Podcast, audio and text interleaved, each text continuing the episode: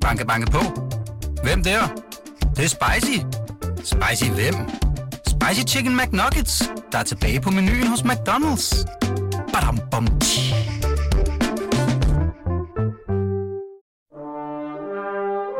Du lytter til Radio 24-7. Og tøs, det er det originale taleradio. Velkommen til Hitlers Æseløer med Jarl Kortua.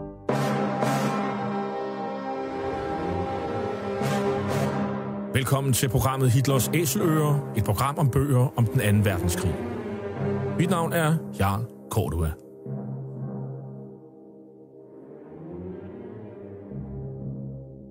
Den anden verdenskrig blev indledt den 1. september 1939 med den nazistiske Tysklands overfald på Polen. Der var tale om en racistisk erobringskrig, der kostede mellem 55 og 70 millioner mennesker livet, og hvor nazisterne systematisk myrdede jøder, romager, slaviske befolkningsgrupper, politiske modstandere og alle andre, der ikke passede ind i deres forestillinger om et ensartet folkefællesskab. Nazisterne de blev årene efter krigen dømt ved krigsforbryderdomstolen i Nürnberg, og flere af deres organisationer, såsom nazistpartiet NSDAP, SS og Gestapo, de blev stemplet som ulovlige forbryderorganisationer. I denne serie, som vi har valgt at kalde for Hitlers Æsler, præsenterer vi nogle af de mange bøger, som i disse år udkommer om den anden verdenskrig.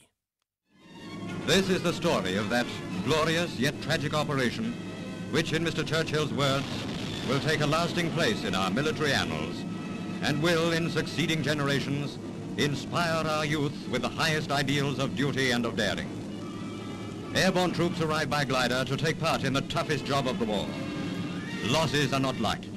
Crashed and burning aircraft are but a fraction of the price to be paid. But the Red Devils of the skies do not count the cost. They proudly offer life itself in their bold attempt to strike the short route to Berlin. Jeg vil høre her om britisk urevy fortælle om The Red Devils of the Sky, de røde djævle i, i skyerne, deres storslåede indsats under slaget ved Arnhem. De røde djævle er de britiske faldskærmstyrker. Overvejende eliteenheder, der bærer kastanjebrun barat eller maroon farvet, som, som den hedder på engelsk. Men som vi hører, så var der også denne tragiske del af Operation Market Garden, som kostede op mod 7.000 britter livet, og som stadig er omdiskuteret. Her i år 2018, der udkom så den britiske historiker Anthony Beaver med sin bog Arnhem, Slaget om broerne 1944, der netop handler om den allierede operation Market Garden, der skulle have afsluttet krigen på Vestfronten og 2. verdenskrig i Europa hurtigere end den så blev. Bogen den er oversat af Anders Juhl Mikkelsen og udkommet på forlaget Lindhardt og Ringhof. Og til at guide os igennem Beavers fortælling og slaget om Arnhem, så har jeg i dag fået besøg af dig, Niels Klingenberg Vistisen, historiker. Du er historisk guide for rejsefirmaet Kulturs og major af reserven. Du kender rigtig godt til Operation Market Garden, og du har selvfølgelig også læst Beavers bog. Velkommen til programmet, Niels. Tak. Forfatteren, det er jo den øh, britiske militærhistoriker Anthony Beaver, hvis bøger mange af lytterne sikkert har læst. Og vi har jo også lavet en enkelt udsendelse, slaget ved Stalingrad, øh, baseret på, på, på Beavers bog. Men, Niels Vistesen, hvordan, øh, hvordan vurderer du Bivo som øh, historiefortæller? Hvad, hvad er det, han lægger vægt på? Biver, han er jo en øh, solid krigshistoriker, og man kan vel sådan sige om, om Biver, at han er sådan vor tids største nulevende øh, krigshistoriker, eller forfatter i hvert fald. Og hans, øh, hans første bog om Kreta, som efterhånden er en 20-30 år gammel, den er fremragende. Øhm, det, jeg sådan synes, der særligt er ved Biver, det er, at han blander den store fortælling. Altså, han fortæller hele en stor historie med en masse små anekdoter. Det vil sige både fra soldaten og den civile og alle dem, der deltog i det. Og, øh, og det blander han rigtig godt. Øhm, og man kan jo sige, at Beaver han er sådan referencerammen, når vi taler om, hvad, hvordan skriver man god krigshistorie. I hvert fald i, i disse år. Det er rigtigt. Inden vi går i gang med at fortælle om uh, Operation Market Garden, hvad, hvad er så, er der først din samlede vurdering af Beavers bog? For han har jo udgivet flere, og, og der er sådan lidt forskellige meninger om, hvem der nu er, hvilken, hvilken en af bøgerne, der er de bedste. Altså i forhold til hans forrige bog om Ardennerne, som var sådan en lidt rodet fortælling, er der flere, der fortæller i hvert fald, så er Market Garden, det er en god gedin fortælling. Øhm, den er rigtig godt hjulpet af, at den er rigtig godt struktureret. Øh, nu er det også til at fortælle om øh, Market Garden sådan dag for dag. Øhm, det er det, kronologisk. Det er rigtig kronologisk, øh, og det virker rigtig godt i den her bog. Det er rigtig nemt at følge, hvad der foregår. Og det der er styrken i Bivers bog her, det er, at han fortæller om hele Operation Market Garden. Jeg ved godt, at titlen den er Arnhem, Øh, men i virkeligheden, så burde den hedde Market Garden, fordi den fortæller hele historien. Og Market, øh, undskyld, Arnhem var jo egentlig kun den britiske del af det, hvor den britiske første luftborne kæmpede, og det er selvfølgelig der, det går galt. Men han fortæller hele historien også om de to amerikanske luftborne divisioner, øh, og om 30. korpses rute op igennem. Så det er sådan en, det er en rigtig god samlet fortælling.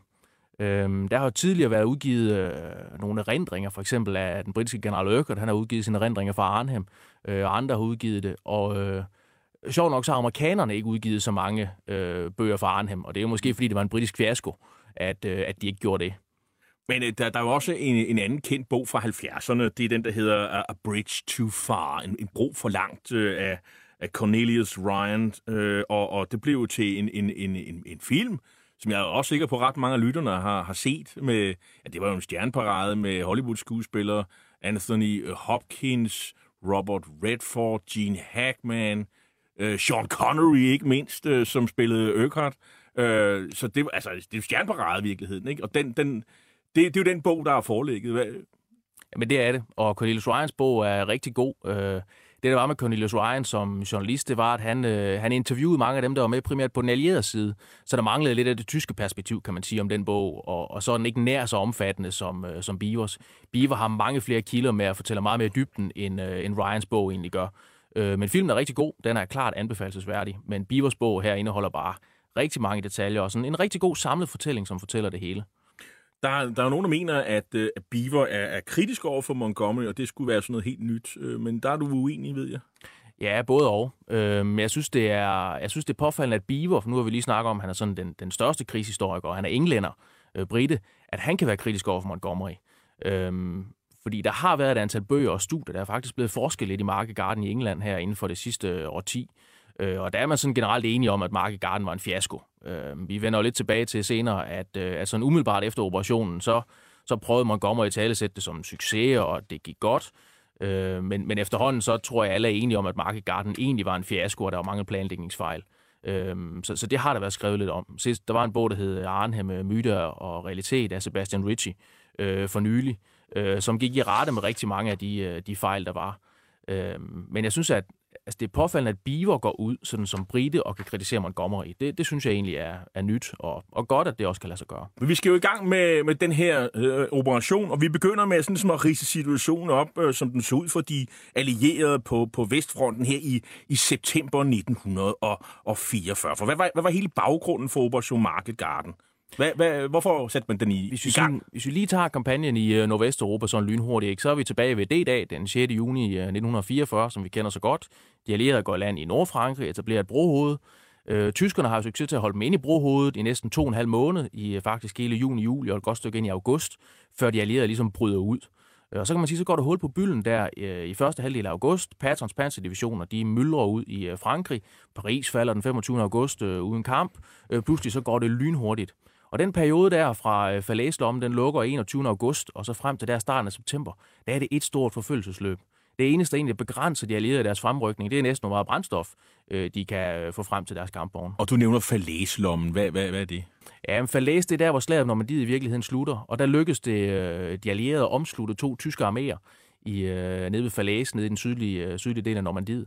Og, øh, og der får de dem omsluttet. Man kalder det øh, Stalingrad Vest i virkeligheden. Øh, sådan et, fordi det er der, tyskerne ligesom lider deres store nederlag i, i vest, og der kollapser den tyske modstand i, i Frankrig simpelthen, og tyskerne er på vild flugt, og øh, både øh, kanadier og britter og amerikanere, de forfølger dem op igennem Frankrig mod den tyske grænse. Og der er simpelthen ikke styr på tropperne på det tidspunkt. Der vælter de bare op i, øh, Det gør op, de. op i Belgien og Holland. Det gør de. Og øh, hvordan, hvordan så, så situationen så ud for tyskerne? Er, er, det, er det hele fuldstændig vild forvirring? Øh, Så er det jo sådan så bare at starte motorerne og så køre til Berlin, er det ikke? Jo, det er det, hvis man havde brændstof nok. En af Pattons panserdivisioner bruger øh, 400.000 liter brændstof om dagen, og det skal alt sammen i land i, øh, i Normandiet, og så kører sig jerrycans ud til kampvognene.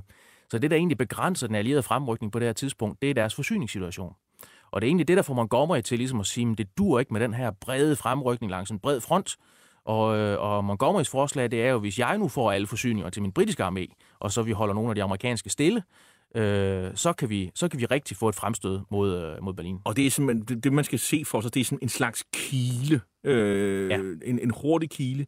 Øhm, men altså, øh, det kan ikke overraske, overraske ret mange, at, at Patton, han var ikke helt enig i, øh, i, i, i Montgomerys, hvad skal man sige, øh, øh, plan for, hvad der skulle ske. Han var absolut ikke enig. Øhm, og, øh, og mere er det sådan set, at øh, general Eisenhower, som egentlig skal have en overordnet kommando, han var heller ikke enig, fordi det var egentlig sådan en amerikansk model med sådan en fremrykning over en, øh, over en bred front, øh, og så vil amerikanerne gerne vente og se, hvor hullet opstod, så de kunne bryde igennem. Øh, og her er det Montgomery ligesom foreslår, nej, vi skal lave en stor operation, som skal krydse alle de her øh, broer og alle de her floder, som er den største forhindring, der egentlig ligger imellem dem og så, øh, og så Tyskland.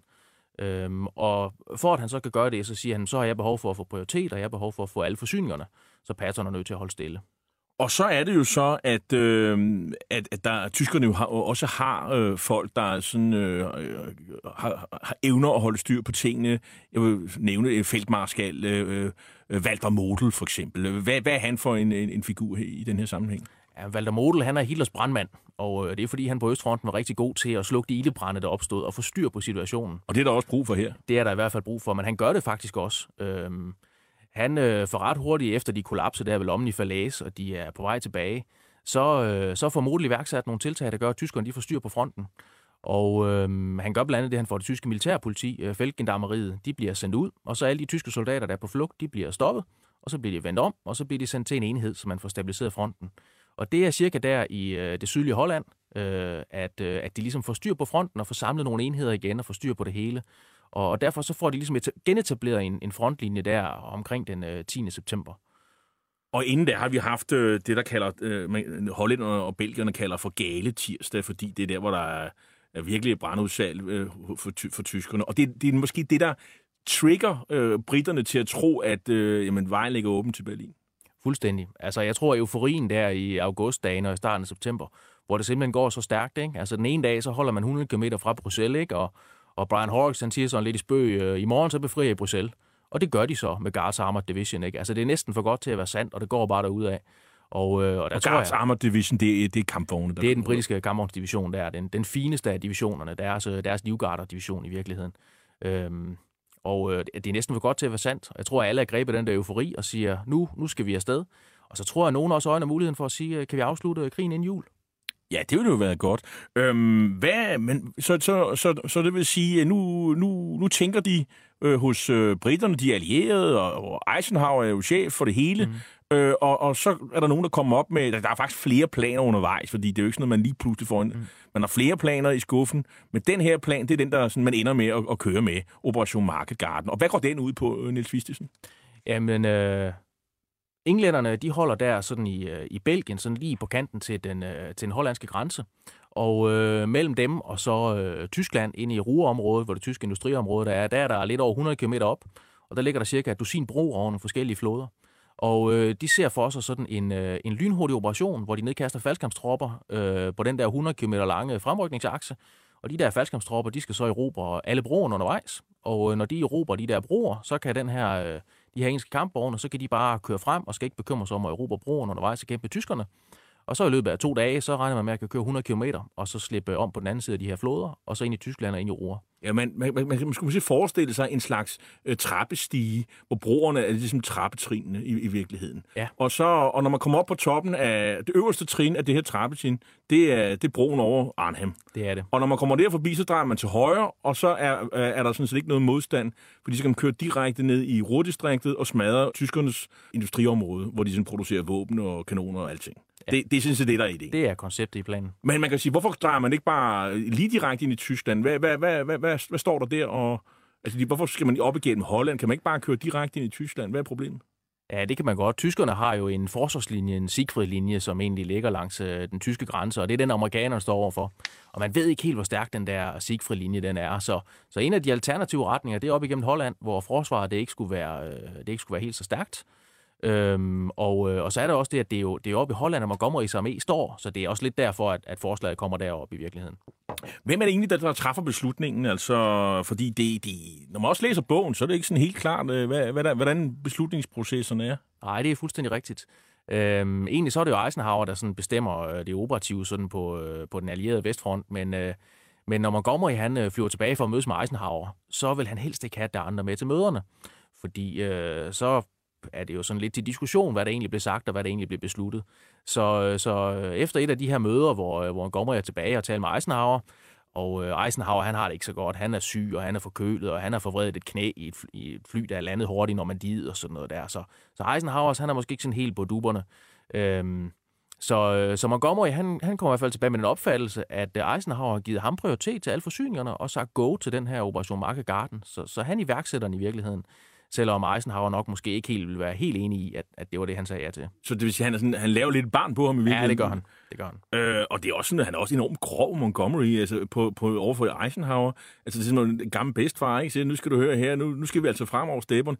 Og det er så slemt, så Eisenhower på et tidspunkt ligesom sætter ham på plads, lige gør opmærksom på, kan du se de her fem stjerner, der er her, ja. eller seks, eller hvor mange han har? Ja. Jeg er altså over dig, og sådan noget. Og, og, ja. og det, og der er også britter, der som siger, at det var måske en fejl udnævne Montgomery til, til feltmarskal, fordi ja. han tror simpelthen, han kan gå på vandet ja. i alle sammenhænge. Ja, fuldstændig. Altså i Allen Brooks erindringer, øh, øh, den britiske feltmarskal Allen Brooks, som var stabschefen, stabschefen for, for Imperiets generalstab, ikke? Han, han skriver jo sine erindringer nogle gange om, hvordan nu er jeg igen nødt til at rydde op efter Montgomery, ikke? Og, og, øh, og sætte ham på pladsen. Han har været sådan lidt for ivrig.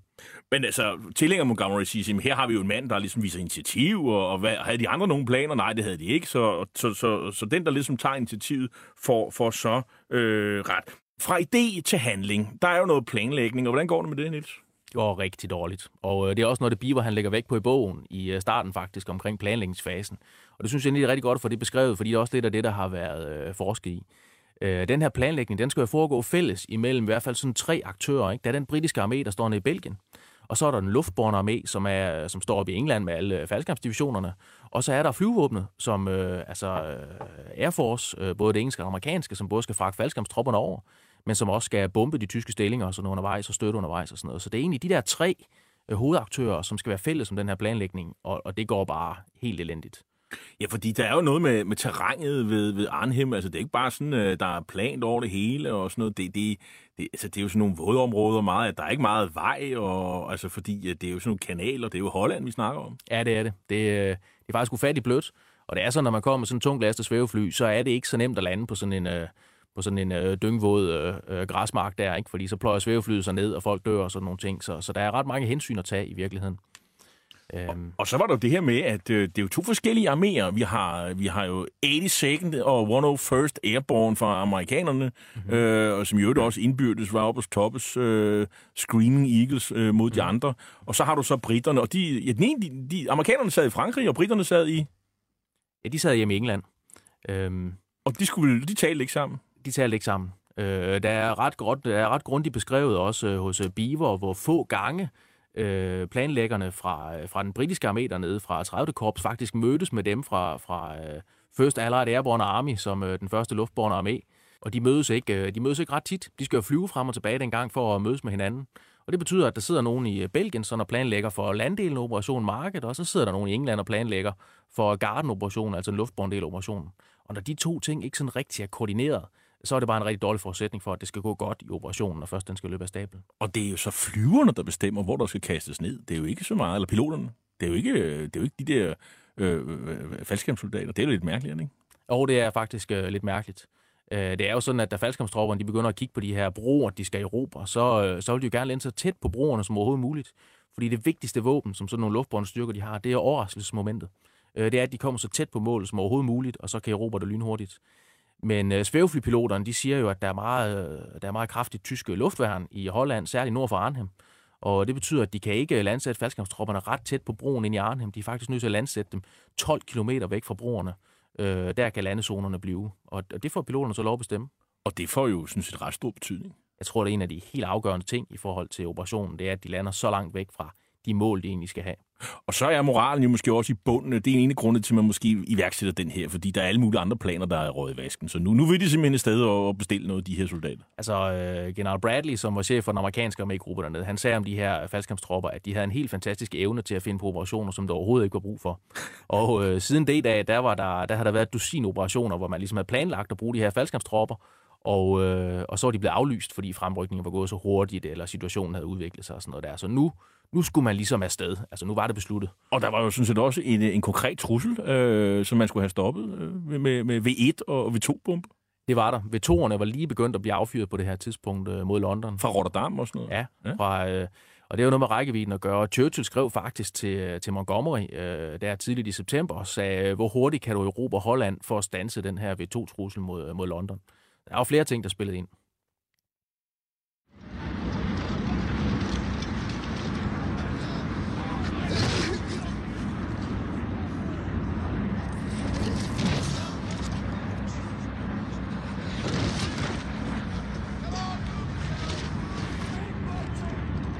Ja, kom så afsted. Øh, de britiske faldskærmssoldater fra 1. luftborgen division, de lander her øst for Arnhem by, som er sådan en by på 100-120.000 øh, indbyggere på det her tidspunkt.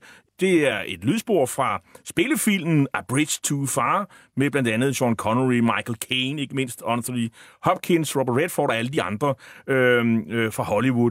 I alt så kommer 1544 transportfly afsted med 478 svævefly, trukket af blandt andet Stirlingfly. I alt skal transporteres 20.000 soldater, og C-47 Dakota transportfly, de tager altså afsted på det her tidspunkt med, hold fast, 20 sekunders intervaller. Undervejs så skal de jo beskyttes, og det bliver de af jægerfly-eskadriller med af typerne Thunderbolt, Mustang, Spitfire og Typhoon. De er tungt belæsset med alskens udstyr, svarende til deres egen vægt. Hvad skal de bruge alle de der, alle de der ting til, Nils? Ja, men når først de lander sådan nogle færdskampstropper, så har de kun det, de har med sig. Så, øh, så det er vigtigt, at det, de har med der i, i første lift, det er det, de skal bruge. Og øh, det hører måske med til historien. Nu fortæller du om, hvor mange fly, der tog afsted i virkeligheden. Øh, og det er rigtig mange, men, men de tager ikke øh, de tre fulde luftborne divisioner med. Øh, fordi det nu er blevet sidst i september, så er dagene blevet lidt kortere, og det betyder, at øh, dagslyset, der er, ikke, der er ikke lys så lang tid, dagene bliver simpelthen kortere. Og øh, fordi man skal flyve helt fra England, så kan man kun nå et lift. Altså øh, transportflyene kunne nå at flyve til Holland en gang og nedkaste faldskabstropper og flyve tilbage igen. Og en del af planlægningsgrundlaget havde faktisk været, at man skulle flyve to gange på en dag for at få samtlige tropper over. Så øh, alle de tre divisioner, både den første britiske luftbånd oppe ved Arnhem, også øh, 82. 20. og 101. amerikanske, øh, de har faktisk ikke alle deres soldater med på den første dag. De skal komme sådan i løbet af anden dagen og tredje dagen på, øh, på operationen. Det er jo også øh, karakteristisk for, for den her operation, at man bruger de her øh, Horsa svævefly, altså 320 styks øh, af det, og det er med tungt udstyr, øh, og det er svævefly, øh, og, og det er jo, de er jo ofte de bliver ofte beskrevet i bogen som, som rene dødsfælder, hvis de nu lander forkert, og ting og sager lander oven på folk, og, og så er de jo sådan lavet sådan nogle, øh, hvad skal man sige, øh, af nogle materialer, hvor, hvor man ikke bare kan foretage sig hvad som helst. Altså, der er sådan en, en meget sjov historie med King's Own Scottish Border, som er noget, et et infanteriregiment, hvor, hvor de sidder og laver te i et uh, kokart på, på gulvet af det her fly, som er lavet af, af krydsfiner. Ja, man, man siger om Horsagen, at det er det, det var det fly i verden, der var mest lavet af træ overhovedet, fordi næsten alt var lavet af, af træ i den der flyver, ikke? for dels for at spare metal på det her tidspunkt.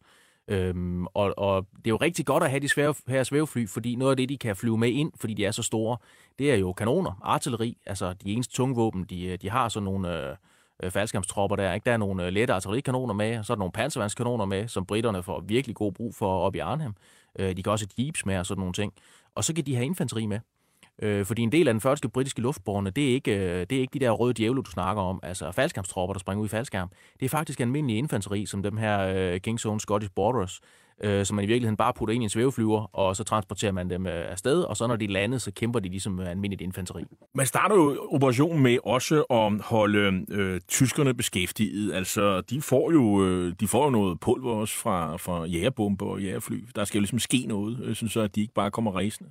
Der er en rigtig god øh, forberedelse fra øh, både fra tunge bombefly, men også fra de taktiske bombefly, dem du nævner, øh, særligt øh, Typhoons og øh, P-47 Thunderbolts og sådan noget der. Og de giver virkelig det tyske luftværn sådan over hele Holland i virkeligheden, for at de et ordentligt pulver. På trods af det bliver der også skudt nogen svævefly ned, men det er ikke sådan kritisk i forhold til, øh, til operationen. Operationen den indledes altså søndag middag øh, 17. september 1944, og i starten der går tingene sådan set øh, sådan rimelig øh, okay fremad. Men, øh, men meget hurtigt, så begynder øh, de her planer at skride. Og hvad, hvad er egentlig problemet, Niels? Ja, generelt så synes jeg, så er man bare for optimistisk i sin planlægning om, hvor hurtigt man kan rykke frem. Altså, den samlede tidsplan var jo 48 timer for, øh, for landtropperne at komme de her 103 kilometer. Og allerede inden for de første kilometer under fremrykning, der, bliver det egentlig, øh, der støder det egentlig ret hård tysk modstand, som det tager dem langt længere tid at, at overkomme. Altså lige så snart de har krydset øh, grænsen ind i Belgien, der er få kilometer fra startlinjen, så ligger tyskerne i baghold med, med panserfaust, altså med de her håndholdte panservandsvåben i nogle skovstykker. Og, og, øh, og, og nu bliver det rigtig kritisk, det der med terrænet i Holland, som, som virkelig er afgørende, fordi der er én landevej, de skal køre fremad. Og det her 30. korps, det, det er måske 50.000 mennesker, ikke? og det kan være, de har 500 kampvogne, øh, for slet ikke at tale om, hvad de har lastbiler og alt muligt andet, der skal med. Ikke? Men der er én landevej, de skal køre af. Så de kan ikke bare sådan, som sige, slå ud i sådan en, øh, en stor øh, vifte, og så bare køre fremad? Det, er der det kan de ikke. Det kan de ikke. Lige så snart sådan en kampvogn der, den forlader vejen, fordi Holland er så blødt, så sidder den fast. Og så, så, og derfor, når tyskerne udlægger den forreste kampvogn i kolonnen, ikke, så er man nødt til at få en bulldozer op og skubbe den der kampvogn af vejen og sådan noget der. Ikke? Og det går der relativt lang tid med til og man, med. Og man mister det, man ikke har meget af, nemlig tid. Lige præcis. Øhm, hvad, hvad sker der sådan op i, i, i Arnhem? Går det også sådan øh, rimelig stille og roligt? Ja, men det, det gør det egentlig til at starte med sådan lige den allerførste landing. Jeg tror, mange af de faldskabstropper, der bliver kastet ned, og det gælder egentlig både englænderne og amerikanerne, Øhm, nu er den engelske første luftborne, de var ikke med i Normandiet, men, men de to amerikanske divisioner, de var med i Normandiet, hvor de blev kastet ned om natten. Og, øh, og, og til det her, det er jo en stærk kontrast til det, ikke? Altså, de kan se, hvor de skal lande hen. Øh, så de fleste, de lander faktisk sådan i rimelig god orden, ikke? Og så nogenlunde samlet. Der er selvfølgelig nogen, der brækker et øh, ben og en arm øh, her og der, når de lander, og som du har fortalt, nogle af svæveflyene, der går i stykker og sådan nogle ting, ikke? Når de lander. Men egentlig så rammer de sådan i øh, nogenlunde der, hvor, hvor de skal lande. Men der er tab. Der er, man, der er jo beretninger om folk, der altså de her øh, øh, hvad skal man sige, øh, transportfly, der simpelthen går ned, og piloterne, der bare siger, øh, spring ud, drenge, og jeg fortsætter med at flyve den her flyvemaskine, øh, og så ender det med, at han går ned, og det hele eksploderer, og, og der bliver uddelt, jeg ved ikke, hvor mange kors øh, for, øh, som, som tapperhedskors i den anledning. Altså, det, det er jo... Heroismen starter allerede fra... Ja, det gør den. Allerede på det tidspunkt. Ja, det gør den. Det gør den. Særligt nogle af de der svæveflypiloter, eller undskyld, øh, transportflypiloter, ikke, som vi, som vi har joket lidt med i virkeligheden, ikke, at det var dem, der bestemte, i hvert fald deres chefer, men, men når først de flyver ind, øh, så er de i virkeligheden øh, vildt heroiske, ikke?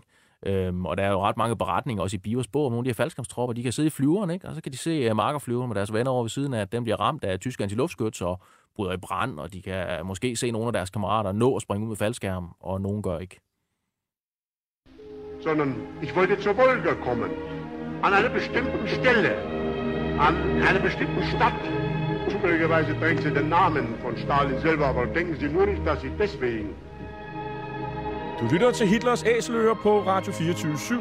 Et program om bøger om 2. verdenskrig med Jarl Korva. Und wissen Sie, wir sind bescheiden. Wir haben ihn nämlich. Es sind nur ein paar ganz kleine Plätzchen noch da. Nun sagen die anderen, warum kämpfen Sie da nicht? Weil ich kein zweites Verdun machen will, sondern weil ich das lieber mit ganz kleinen Stoßtrupps mache. Die Zeit spielt dabei keine Rolle. Es kommt kein Schiff mehr die Wolga hoch. Das ist das Entscheidende. Og i dag der taler vi om Anthony Beavers bog Arnhem, slaget om broerne 1944, Operation Market Garden, med Niels Klingenberg Vistisen, der er historiker og major af reserven. Og øh, bogen er udkommet på Lindhardt og Ringhoffs forlag. Og øh, vi har sat Operation Market Garden i, i gang, og... Øh, og, og, og Guards Armored Division, de øh, kører øh, op fra, fra Belgien op mod det sydlige Holland, og så er de på vej op i, i, i virkeligheden mod først øh, Eindhoven og dernæst øh, Nijmegen og, og til sidst Arnhem. Øhm, så har vi amerikanernes luftborne divisioner, nemlig 101. og 82. Øh, division. Hvad, hvad er det, de skal? Jamen, de skal egentlig primært erobre broerne omkring, øh, som du fortæller, øh, Eindhoven og Nijmegen, og så alt det, der ligger imellem af, af broer. Og de bliver kastet ned også der, samtidig med de andre om eftermiddagen der den 17. september. Hvordan går det? Det går rigtig godt. Øhm, I hvert fald sådan i hovedtræk. De lander cirka, hvor de skal, på nær sådan en enkelt amerikansk ballon, det bliver nedkastet forkert, og, og det er sådan ret interessant, fordi ballonchefen, han står i døren i flyveren, ikke? og da han kigger ned, så kan han se, at øh, hov, det er jo ikke her, jeg skal kastes ned. Men øh, når lyset det bliver grønt i flyvemaskinen, så tænker han, så må jeg hellere hoppe, og øh, så løser de jo opgaven derfra. Øh, men ellers så lander de faktisk alle sammen, øh, hvor de skal, og så bevæger de sig ret hurtigt faktisk mod de, øh, mod de angrebsmål, de har, som er primært broerne over de her floder. Og får de dem i Ja, både og. Der er nogle steder, hvor det går rigtig, rigtig godt, og så er der andre steder, hvor det går rigtig, rigtig dårligt. Øhm, det bedste eksempel, det er nok øh, Gravebroen øh, over Mars. Øh, det er den flod, som franskmændene kalder Meuse. Øhm, og, øh, og der lander nogle øh, faldskabstropper, og det der er rigtig godt her, som, øh, som general Gavin, ham der er chef for 82. luftborne, han siger, at den rigtige måde at råbe om bro på, det er begge sider på én gang. Og øh, det gør de netop ved Gravebroen. Der nedkaster de faldskabstropper ved, på begge ender af broen ret tæt på. Og så får de faktisk indtaget den her gravebro. Og, øh, og Mars, det er en rigtig, rigtig bred flod, så det er en ufattelig vigtig bro at få Europa øh, på det her tidspunkt. Og den, øh, den erobrer de øh, fuldstændig intakt. Men andre steder, der går det knap så godt. Der når tyskerne at springe dem i luft. Det gør de. Særligt nede ved Son, som egentlig er en, en relativt lille flod der nede ved Son, øh, ret tæt på Eindhoven. Øh, der springer tyskerne broen lige for næsen af amerikanerne. De er også lidt hjulpet af, at øh, Walter Model, øh, han jo sådan siger, han er ikke så meget for at springe broer i luften. Ja, det er lidt øh, specielt. Øh, det er Hitler vist heller ikke helt enig med ham i. Øh, men øh, Walter Model, han er en rigtig officer, så han tænker jo, øh, jeg skal jo bare holde fast i de her broer, fordi så skal jeg selv bruge dem til mit eget modangreb, når den tid den kommer. Og det er noget fremsynet. Ja, måske, måske lidt for, for fremsynet. Ja. Øh, hvordan går det så op i, i, i Arnhem, som jo er bogens titel her, og som jo er der, hvor de hårdeste kampe finder sted? Ja, men egentlig så, så går det ret dårligt. Det ser ud til at gå godt der på den første dag. Øh, de lander sådan i god orden, men altså derude de der 12 km fra, øh, 12 km fra broen. Øh, dem, der er hurtigst, det er faldskærmsballonerne. Første, anden og tredje øh, faldskærmsballon. Og da de lander, så begiver de sig ret hurtigt, men altså til fods på vej ind mod broen ind i Arnhem, de der 12 km. Og de marcherer lige så hurtigt, de overhovedet kan. Øh, men det er altså kun den ene af de her bataljoner, som faktisk når frem til broen, og det er John Frosts anden bataljon. Er der sådan, er der sådan styr på, på kommandovejene? Taler man sammen her? Eller hvad det? Nej, det gør man for lidt. Og det har været noget af kritikken af første britiske luftborn også på det her tidspunkt, at efter englænderne lander derude, også det britiske divisionshovedkvarter med general Urquhart i spidsen, at de er simpelthen for længe om at få etableret sig som hovedkvarter og få styr på situationen. Øhm, altså det er fordi, de er dygtige, de her faldskærmsballoner, de øh, bevæger sig rigtig hurtigt fremad. Øh, men ellers så, så sidder de altså for længe. Der går timevis, hvor de sidder derude på landområderne, før de ligesom begynder at bevæge sig ind imod byen. Og, og det er igen tid, som du siger, der er den vigtigste faktor, som de i virkeligheden spilder derude på, øh, på landezonerne derude. Men, øh, men Frost og hans folk, de, de får faktisk besat den nordlige del af, af broen Arnhem, altså over Nedre Rhin, som, ja. som floden hedder. Og, og det er jo sådan set øh, endemålet. Øh, og så de er jo sådan set fremme ved målet. De skal jo bare holde broen, indtil at panserstyrkerne kommer sydfra med Armed Guards Division. Ja. Så er man jo mål, så er operationen sådan set øh, vellykket. Ja. Hvis ja. man kan holde den. Hvis man kan holde den. Altså, problemet er jo egentlig, at det kun er John Frost og hans anden ballon, der er frem til broen, ikke? og de er mindre end 1000 soldater i alt. Hvis du tænker på, at der lander 10.000 med hele første luftborne division, så skulle alle de britiske soldater i virkeligheden være inde ved broen i løbet af den første og den anden dag efterhånden, som de lander. Ikke? Men tyskerne får altså held til at, øh, at stanse dem med nogle øh, ret fantastiske... Øh, øh, altså, de, de er proaktive, tyskerne der. De er, de er ude af starthullerne. Ja, fordi øh, de bliver sad lidt med, med, med bukserne nede, fordi det her hovedkvarter, det ligger jo ret tæt på Arnhem, øh, hvor Walter Model er. Altså, og de, ham og alle hans officerer, de taber jo monoklerne. Øh, de har monokler i øvrigt, øh, og, og de, er sådan, de, de, de får ret travlt med at komme afsted fra hovedkvarteret Hotel Tafelberg, som senere hen bliver sådan en infirmeri nærmest. Ikke? Øh, så, så, men, men, men det er der, de ligesom viser, at de, at de kan ligesom, øh, som siger, ændre situationen meget hurtigt, tænker hurtigt, og, og få skabt en ny situation til deres egen fordel. Ja, det er jo lidt, øh, jeg synes, det er lidt påfaldende, at, øh, at, at Walter Model der, øh, han bliver måske udstillet i filmen til at være sådan lidt, øh, sådan lidt fjollet i virkeligheden, men det er rigtigt, han flygter fra Tafelberg øh, ret hurtigt, ikke? Øh, men det er ligesom øh, hovedkvartersdelen. Øh, og så er der en øh, tysk oberstløjtnant, øh, Sepp Kraft, en øh, SS'er, og øh, han har sådan en træningsbataljon i Arnhem øh, af nogle øh, meget unge befalingsmænd, han skal træne og uddanne, og de har tilfældigvis lige dagene før det her, der har de øvet indsats mod luftlandsætninger. Øh, så da han ser faldskærmene, så ved han præcis, hvad han skal gøre. Øhm, og tyskerne, de har en rigtig doktrin mod sådan nogle faldskærmstropper, det er at angribe dem så hurtigt som muligt, fordi de ved, at de er allermest sårbare i, øh, i landingsøjeblikket. Og øh, Sepp Kraft der med, øh, med sin bataljon, der, han får altså held til at, at stanse øh, i første omgang første og tredje faldskærmsballon. Ja, de, kan ikke, de kan ikke nå frem til anden ballon frem ved broen. De får etableret sådan en spærrelinje ind i Han får simpelthen skåret dem over. Det gør han.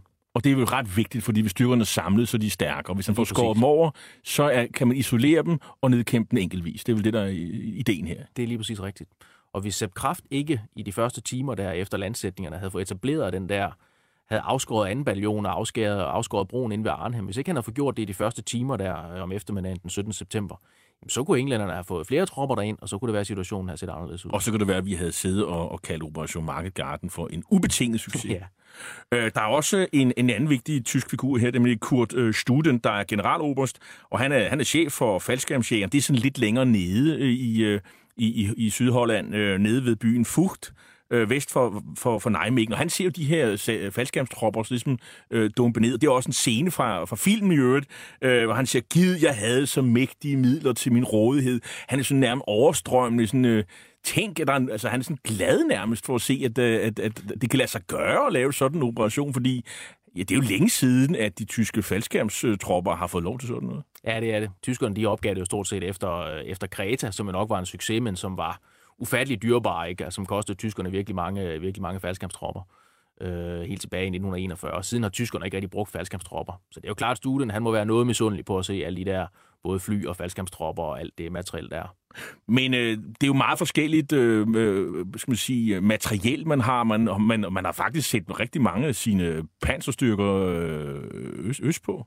Øh, så man, jo, man er jo sådan ret langt nede øh, med, med materiel, og det er jo også meget broet, for at sige det pænt, øh, mandskab, man har. Der er jo folk fra krigsmarine og luftwaffe og alskens nationalitet, hilfsfrivillige, og jeg ved ikke hvad. Altså, det er jo, der er jo de der SS'er, du taler om, men det er jo meget blandet klientel, ikke? Det er simpelthen et sammenskrab, og det er i virkeligheden, et eller andet sted er det det, der imponerende ved tyskerne i virkeligheden, at de kan med sådan et sammenskrab af alt muligt mærkeligt, kan, kan, kan, kan, kan finde så stærk modstand, ikke? Og, og kan få det til at ske så hurtigt. At der er specielt en tysk øh, division, sådan en stationær træningsdivision, som, øh, som faktisk ligger et stykke derfra ind i Tyskland, ind i Reichswald, som ligger sådan ikke så langt fra Nijmegen. Øh, de får øh, alarmorderen der den 17. september, og de er en stationær division, der ikke har det eneste køretøj. Og da de får alarmeringen der, den hedder 406. division, øh, da de får alarmeringen der øh, om søndagen, så, så går stabsofficeren først, han går ud på gaden, og så rekvirerer han en bil. Og så i løbet af en 3-4 timer, så er det, han har stumper i divisionen, så er de klar til at angribe amerikanerne op ved Nijmegen. Så det er egentlig den der tyske handlekraft til at tage alt, hvad de har øh, i virkeligheden. Det er, det er imponerende, og det er jo noget af det, der sløver øh, de allieredes fremrykning så meget, at, at det begynder virkelig at koste tid. Og så får de også sendt øh, nogle, øh, nogle panserstyrker afsted, altså nogle op på togene, og så bliver de bare afsted afsted. Det er kun Hitlers tog, som får lov til at forhindre, at de kommer frem.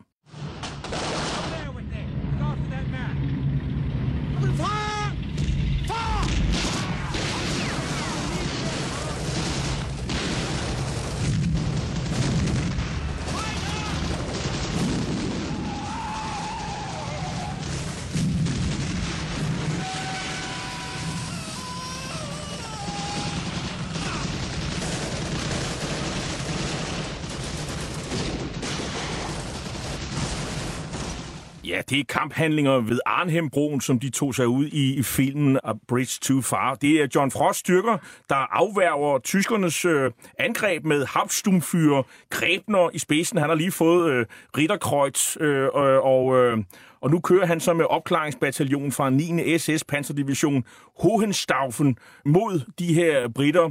Øh, og de kommer altså syd for broen øh, op mod øh, den nordlige ende i, i nogle øh, Puma øh, panservogne, og de får altså tæsk, i, i hvert fald i første omgang. Og efterhånden så, så bliver britterne jo med Frost, de bliver jo ret meget presset ind i, øh, i Arnhem by, og, og forstærkningerne har får de også problemer med at nå frem til dem. Øh, hvad er det for en situation, der langsomt kommer til at ske her, øh, Nils Vistisen? de bliver langsomt mere og mere belejret. Øh, Frost og de der knap 1000 soldater, han har inde, hvor de holder den ene ende af broen, de har forskanset sig i en masse huse derinde omkring broen, hvor de egentlig sådan har et ret godt forsvar. Men de har bare ikke ret mange forsyninger, og de kan ikke blive genforsynet. Øh, det vil sige, at de løber langsomt tør for ammunition, blandt andet til deres panservandsvåben, men også for almindelig ammunition. Øh, øh, løber tør for deres mortergranater, de skal bruge til at forsvare sig med, og sådan nogle ting. Og særligt så løber de tør for vand. Ja. Øh, det kan de ikke få. Tyskerne, de afskærer vandforsyningen. Og det er jo der, Biver har nogle af de her malende scener, hvordan nogle af de her britiske faldskabstropper, de, øh, de ligger derinde på tredje dagen og tømmer radiatorerne ind i husene for at drikke det vand, der står i dem. Ikke? Rustent vand. Lige præcis. Øhm, og tyskerne, de får jo, øh, de starter med det her sammenskrab, vi snakkede om, ligesom til at presse britterne til at starte med. Øh, men så begynder de her øh, rigtige tyske styrker at ankomme. Øh, blandt andet de her to SS panserdivisioner, 9. og 10. SS, og, og så kommer det her specialtog med tierkampvogne fra Tyskland. Og efterhånden, som de kan begynde at indsætte dem mod, øh, mod Frost derinde ved broen, øh, så står det efterhånden klart, at det, det kan han ikke, det, der kan han ikke holde ud i evig tid. All these bundles and parachuted packages and ammunition is, uh, are coming down here all around us, through the trees, bouncing on the ground. The men are running out to get them.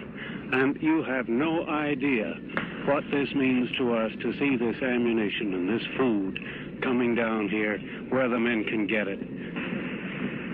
They're uh, they're such fighters that, that if they can only get the stuff to fight with, it's it's a wonderful thing. It's a Shame. It's a shame when they can't get the stuff to fight with. You can hear the kind of flak that those planes are flying through. It's it's absolutely like, hail up there. These These enemy guns all around us are just simply hammering at those planes. But so far, I haven't seen anything, I've seen any of them hit. But the bundles are coming down. Det er historien, der taler til os her. Det er 74 år gamle optagelser af BBC-korrespondent Roy Maxted øh, ved slaget om Arnhem 20. september. Han fortæller om, hvordan forsyninger de kastes ned, og, og hvordan de håber på, fordi de har virkelig længtes efter at få nogle forsyninger. Desværre for mange af de her forsyninger, så, så ender de jo over hos, ty, hos, hos tyskerne. Øh, der sker også det senere hen, at, at polakker bliver kastet ned syd for Arnhem. Hvad, hvad er deres opgave, Niels Vistesen? Jamen, en del af, en del af den her øh, allierede luftborne armé, det er en øh, polsk faldskærmsbrigade under general Sosobowski, som er en del af operationen. Og øh, det var egentlig øh, planen fra starten, at de skulle kastes ned sammen med britterne og så deltage i kampen op i Arnhem. Men øh, vejret i England, det er, jo, øh, det er jo noget om skift i den gang imellem, så deres øh, nedkastning må udskydes først den ene dag, og så den anden dag, og så den tredje dag. Øh, og da de så endelig bliver kastet ned øh, efter adskillige dage, så kan man ikke længere kaste dem ned øh, sammen med britterne, fordi der har tyskerne Europa landezonerne, så er man nødt til at kaste dem ned på sydsiden af Rhinen, så de faktisk ikke er sammen med britterne. De ender, lander på, på, på den forkerte side af det gør Rhinen de. i virkeligheden. Det gør de, ja.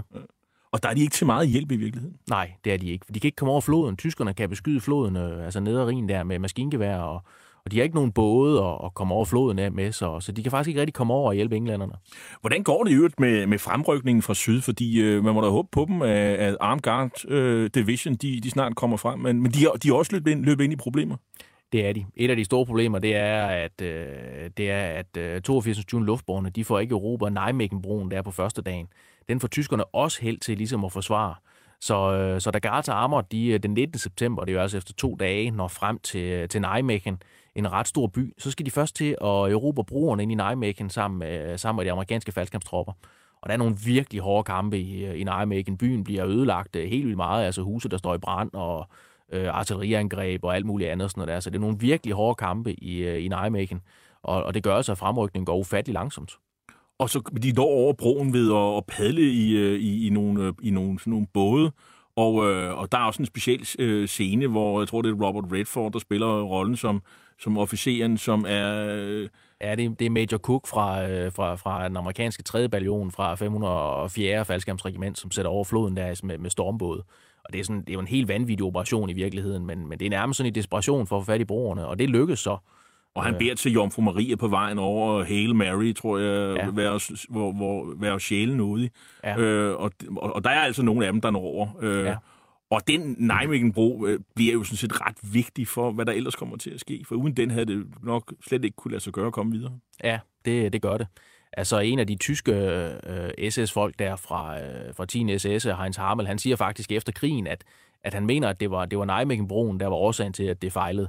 Øh, jeg tror, der var flere ting, der gjorde, at det, går- at det gik galt, men altså, at en af de tyske officerer ligesom fremhæver Nijmegen som der, hvor det gik galt, det er der sådan værd at tage med i, i overvejelserne, synes jeg. British and Americans roll through Eindhoven, where the Dutch give them a rousing welcome.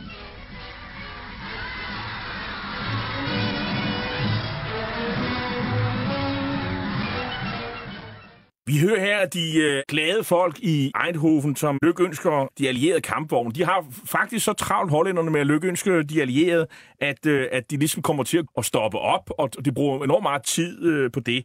Mange af de her hollændere, som de møder her i Sydholland, de, jo, de melder sig sådan set frivilligt til alt muligt og hjælper de allierede fremad med alting, og de er klar til at tage øh, våben og bare far løs mod tyskerne. Hvad, og, de, og nogle gange så får de faktisk lov til det. Ja, det gør de. Også, øh, også inde i Arnhem, der er man sådan lidt mere øh, nervøs ved det, fordi man, man er godt klar over, at, at hvis tyskerne får fat i nogle af de her hollændere, som har hjulpet som, som modstandsbevægelse, så, øh, så vil de blive henrettet af tyskerne. Øh, men der er ligesom der er de hollænder, der hjælper. Der er noget hollandsk modstandsbevægelse, som giver en masse informationer til de allierede om, hvor tyskerne er henne. Og så er der en masse civilbefolkning, som egentlig bare er i vejen, fordi de kommer ud med blomster og vil kysse amerikanerne. Og samtidig så er der også et opgør med de hollandske nazister og folk, der har samarbejdet med, med, med tyskerne. So begann die Zehntageschlacht bei Arnheim, die, wie englische Stimmen eingestehen müssen, mit dem größten und wichtigsten taktischen Erfolg endete, den die Deutschen im Westen seit Invasionsbeginn erzielt haben. In den Mittagsstunden des 17. September landen die Angloamerikaner im Raum Eindhoven, Nymwegen, Arnheim mehr als drei Fallschirm- und Luftlandedivisionen mit dem Ziel, die steckengebliebene Operation an der Westgrenze wieder flott zu machen. Schon nach kurzer Zeit gelingt es der deutschen Führung, die im Raum Arnheim operierende erste englische Luftlandedivision einzukesseln und innerhalb von zehn Tagen zu vernichten. Mit allen Waffen werden die Briten schon während Landung und Sprung empfangen. Oft ist der Himmel minutenlang von Flugzeugen und Lastenseglern verdunkelt. Viele von ihnen werden noch in der Luft getroffen und stürzen brennend ab.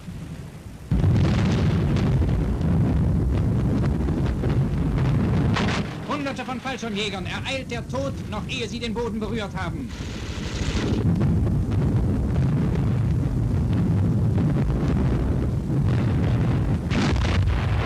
Ja, vi hører her begejstret tysk propaganda fortælle, hvordan tyske tropper har nedkæmpet øh, britiske faldskærmsjæger ved slaget om Arnhem. De kommer jo i, i, i bølger, og, og man kan jo, efterhånden har tyskerne jo ret godt styr på det. Øhm, så for en gang skyld, så kan man jo sige, at, at øh, det var i overensstemmelse med kendskærningerne, når, når tyskerne det, triumferer. Ja, det er det. Og, og de kalder det faktisk der i klippet en, øh, en kessel, en kedel. Altså, det er jo egentlig sådan en, en term for Østfronten, ikke sådan en, et, et omringningsslag. Ikke? Det er et brohoved, de har. Præcis, ja. Og, på, hvad er det, to gange to kilometer eller sådan noget? Ja, det, det starter lidt større, ikke? og så bliver det langsomt snævret mere og mere ind, ikke? som tyskerne presser sig frem der omkring i Osterbæk og ved Hotel Hardenstein der i Arnhem, hvor britterne til sidst jamen, altså bare ligger i den der lomme og, og kun kan forsvare sig, og det er et spørgsmål om tid. Så, øh, så, så tyskerne, de nedslider dem bare. Og så er det, man overvejer, skal man smide flere soldater over til brohovedet, eller skal man trække dem tilbage? Der er en lang diskussion, og, og det er åbenbart polakkerne, der skal offres for det, og det nægter den, den, den, den polske øh, øverstkommanderende. Han vil simpelthen ikke være med til at ofre flere polske soldater på den konto. Ja, både og. Øhm, faktisk så, øh, polakkerne blev lidt søndebukke bagefter, for at de ikke ville, øh, at de ikke ville kæmpe. Øh, og det er ikke helt rigtigt, men general Sosabowski, han havde fuldstændig ret i, at selvom man havde fragtet alle polakkerne over i den der lomme sammen med englænderne, jamen så kunne man ikke komme, så kunne man ikke komme videre. Øh, så den rigtige beslutning, det var, at, det var at evakuere det hele. Øh, altså det lyder sådan lidt uh, militært set. Øh, uh, 30. korps, øh, de engelske panserstyrker, de er nået op til floden, og de står over og kigge på den anden side af Nederrien og kigge på englænderne derovre. Og så kan man spørge, hvorfor, Hvorfor sætter de så ikke over floden, og så hjælper dem derovre, og så forsvarer mod øh, tyskerne? Men hvorfor kommer forstærkningerne ikke? Altså, de må jo, de må, der, der er jo snart gået mange dage. Altså, de må jo være undervejs. Øh, øh, jeg kan forstå, at, at tyskerne, de angriber dem jo helt øh, ja, nede ved syd for Nijmegen i virkeligheden. Øh, øh, det, man kalder for Hell's Highway. Lige præcis. Øh, Udover den blev døbt af Hell's Highway, så den amerikanske general Maxwell Taylor, der var chef for 101. han kaldte det Indian Country, altså indianerterritorie, fordi der var tysker over det hele. Øh, og lige præcis i de der dage, hvor de står op ved englænderne øh, fra den 22. til den 24. september, der afskærer tyskerne vejen fuldstændig. Altså de angriber simpelthen fra begge sider af vejen.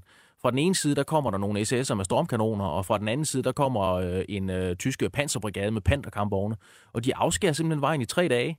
Øh, så, så selv englænderne kan ikke få flere forstærkninger op på den anden side af Nijmegen op til Arnhem og gøre noget. Så det vil sige, at man kan ikke komme frem, man har ikke benzin, man har, og, og man skal forsynes for luften, det forsøger man jo så også. Ja, det gør man, ja. Og, øh, og det er jo mange, mange gange, så er det de der sådan, øh, container, de ryger over til tysken, øh, og så er man jo ligesom set øh, lige vidt. Ja. Øhm, så hvornår står det egentlig klart for britterne, at øh, nå, vi, vi var næsten i mål, close but no cigar, det blev en fiasko. Hvornår står det klart? Øh, ja, Biver beskriver det jo godt, at der den øh, 25. Øh, september, den 24. 25. september, altså, altså efter en otte dage, der er der ligesom sådan en konference, hvor man taler med polerne, polakkerne om, at nu vil man sende dem over og ligesom forsøge at forstærke britterne. Øh, men det er nok lidt på skrømt, ikke? Altså, der er man nok også klar over, at det her kan faktisk ikke lade sig gøre, og man er så nødt til at evakuere dem. Man er måske bare sådan lidt langsom med at træffe beslutningen. De allierede de mister ca. 17.000 soldater, det er 7.000 dør, øh, eller er savnet, øh, og så er der rigtig mange, der må gå i, omkring 7.000, der må gå i, øh, i tysk krigsfangenskab. Der bliver taget rigtig mange til fange. Mange er meget såret op ved, ved Arnhem, og civilbefolkningen foretager en helt fantastisk, heroisk indsats for at, at hjælpe de sårede på begge sider. Det er jo meget rørende at læse om i, i, i bogen. Øh, men der er jo et efterspil, fordi øh, tyskerne de, de hævner sig på hollænderne, fordi nu fryser fronterne faktisk i, i otte måneder herfra, øh, stort set. Øh, og det, det er ret massivt. Nils Vistisen? Ja, det er rigtig massivt. Altså, det, det er ret spektakulært, at, at man kan sige, at det her, der skulle have været den her øh, operation, der skulle løsne det hele op og slutte krigen før jul, ikke? At, øh, at Arnhem by faktisk først blev befriet i øh, april øh, 1945 af kanadiske tropper, der kommer den anden vej fra. Og der er den helt ødelagt. Fuldstændig Så, ødelagt. så at øh, man må samle ind i hele Holland for at bygge den op igen, og Amsterdam kommer ind og, og, og vil ligesom øh, adoptere Arnhem for ligesom at bringe tilbage til storhed. Ja. Det er jo, øh, det, og, og det er jo sådan blevet symbol for, for, for, for Holland under 2. verdenskrig, Arnhem. Det er det. Det er det. De siger, at opbygningen først var færdig i 1969 i virkeligheden. Nu ved jeg sådan ikke helt, hvor mange detaljer det er i, men, men det har taget rigtig lang tid. Tyskerne de henretter 3.000 hollændere under hele krigen, og de fleste af dem de bliver faktisk henrettet i forbindelse med, med Operation Market Garden. Der 180.000 mennesker blev tvunget ud af deres hjem syd for Rhinen. Øhm, 40.000 ekstra hollænder, der for, i forvejen var der omkring 360.000 hollænder, der var blevet øh, der var øh, arbejdet i Tyskland, øh, var tvangs øh, udskrevet som, som tvangsarbejder i Tyskland. Og det er altså 40.000 ekstra, der ryger til Tyskland. Så ødelægger man konsekvent værfter, øh, havne og alt mulig infrastruktur. Øh, og så får man den her hunger, øh, hungervinteren, øh, øh, hvor af, man mener 16-20.000 sulter ihjel. Det er ikke en historie, vi har hørt så meget om i Danmark. Nej, det, øh, det er det ikke. Altså, historierne går om, at øh, hollænderne spiste tulipanløg simpelthen for at få noget at spise, ikke? Og, og mændene var nede på en diæt på, var det 200 kalorier om dagen, eller sådan en stil, de kunne, de kunne få at spise. Det var, det var helt forfærdeligt. Og så, øh, der er sådan set ham rigskommissæren, der hedder Arthur Seysin Kvar. Han har simpelthen en ordre om, at man uddeler simpelthen ikke mad til hollænderne. Og, og hele det her er en konsekvens af, at, øh, at det faktisk er de allierede, som siger til, til den hollandske eksilregering, vi skal, de skal sætte en jernbanestrække i, øh, i gang øh, for at hjælpe øh, Operation Market Garden og andre ting. Og det her, det er så tyskernes hævn, at man simpelthen øh, udsulter befolkningen. Ja, det, det er det. Og, og det er jo Seysenkorat og nogle af de SS'er, han har, som også kæmpede ved Arnhem, hvor vi fortalte om, at da først de allierede rykkede frem, så havde lokalbefolkningen travlt med et opgør med de her, øh, med dem, de her kollaboratører med tyskerne, ikke? Men øh, da tyskerne så ligesom vinder, så, øh, så vender det jo, så vender det jo på hovedet, ikke? De sidste, de sidste måneder der i krigen. Men det, har også, det er også en, en Operation Market Guard, det er også skidt for, for britternes moral, ikke? Altså, fordi, øh, altså, øh, Øh, hvad var egentlig grundlæggende øh, fejlen ved Operation Market Garden? Jeg tror, den største fejl øh, militært set, og det skriver Biver også, det var, at det var urealistisk. Øhm, altså tanken om, at man skulle kunne rykke 100 km frem af en vej, øh, var simpelthen grundlæggende urealistisk. Og så sker der alle de her ekstra planlægningsfejl omkring de luftbårne styrker, de lander for langt fra broerne og alt det der. Man undervurderer tyskernes styrke og alt det der. Og så er planen jo grundlæggende baseret på, at der ikke er en eneste ting, der må gå galt, at alt skal lykkes. Og sådan går det bare rigtig sjældent i krig. Men kunne det være lykkes, hvis man havde øh, gjort noget anderledes, tror du? Selv hvis det var lykkes, og man havde råbt broen ved Arnhem, og det er så nogle af de der øh, studier, der er, så mangler man stadigvæk en flod mellem Arnhem og Ruhr, nemlig Isel, som løber op i øh, Nordholland. Så, så selvom man var kommet op på den anden side af Arnhem, så vil jeg gerne spille spørgsmålstegn ved, at man egentlig kunne have udnyttet det øh, til den der store strategiske sejr, som øh, Montgomery egentlig øh, ønskede. Er det stadig en, øh, en, en diskussion, om det var en øh, succesfuld operation, eller, eller ej, blandt historikere? Hvad er din vurdering? Ej, jeg tror i dag så er de fleste enige om, at, at det var en fiasko at koncentrere sig om de der planlægningsfejl, og hvorfor det egentlig, hvorfor det egentlig gik galt. Montgomery selv, han mente, at han ikke havde fået de styrker, han var blevet lovet, og han ville derfor ikke tage ansvaret for fiaskoen. Øh, han gav jo også vejret skylden, og så sagde han, øh, at det var en 90% succes. Øh, prins Bernhard af Holland, han, han sagde, at mit land har ikke råd til endnu en Montgomery-succes.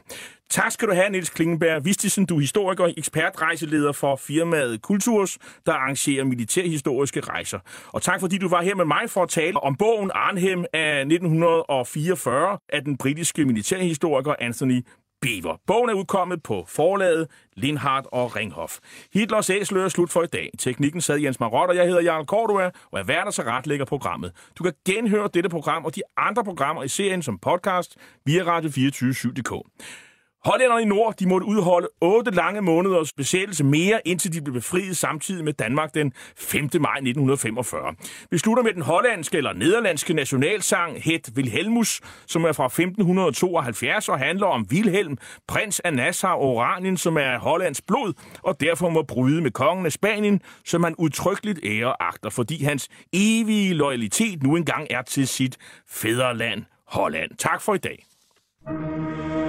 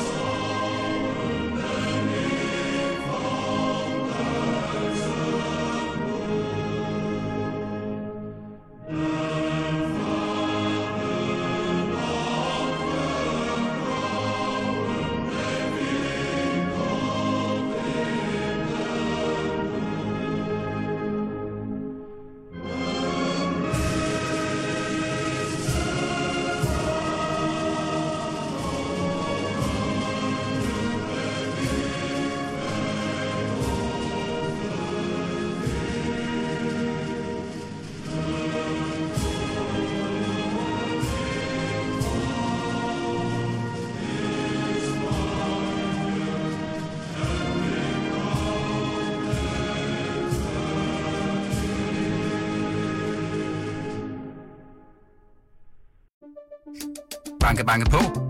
Hvem der? Det, det er spicy. Spicy hvem? Spicy Chicken McNuggets, der er tilbage på menuen hos McDonald's. Badum, bom, tji.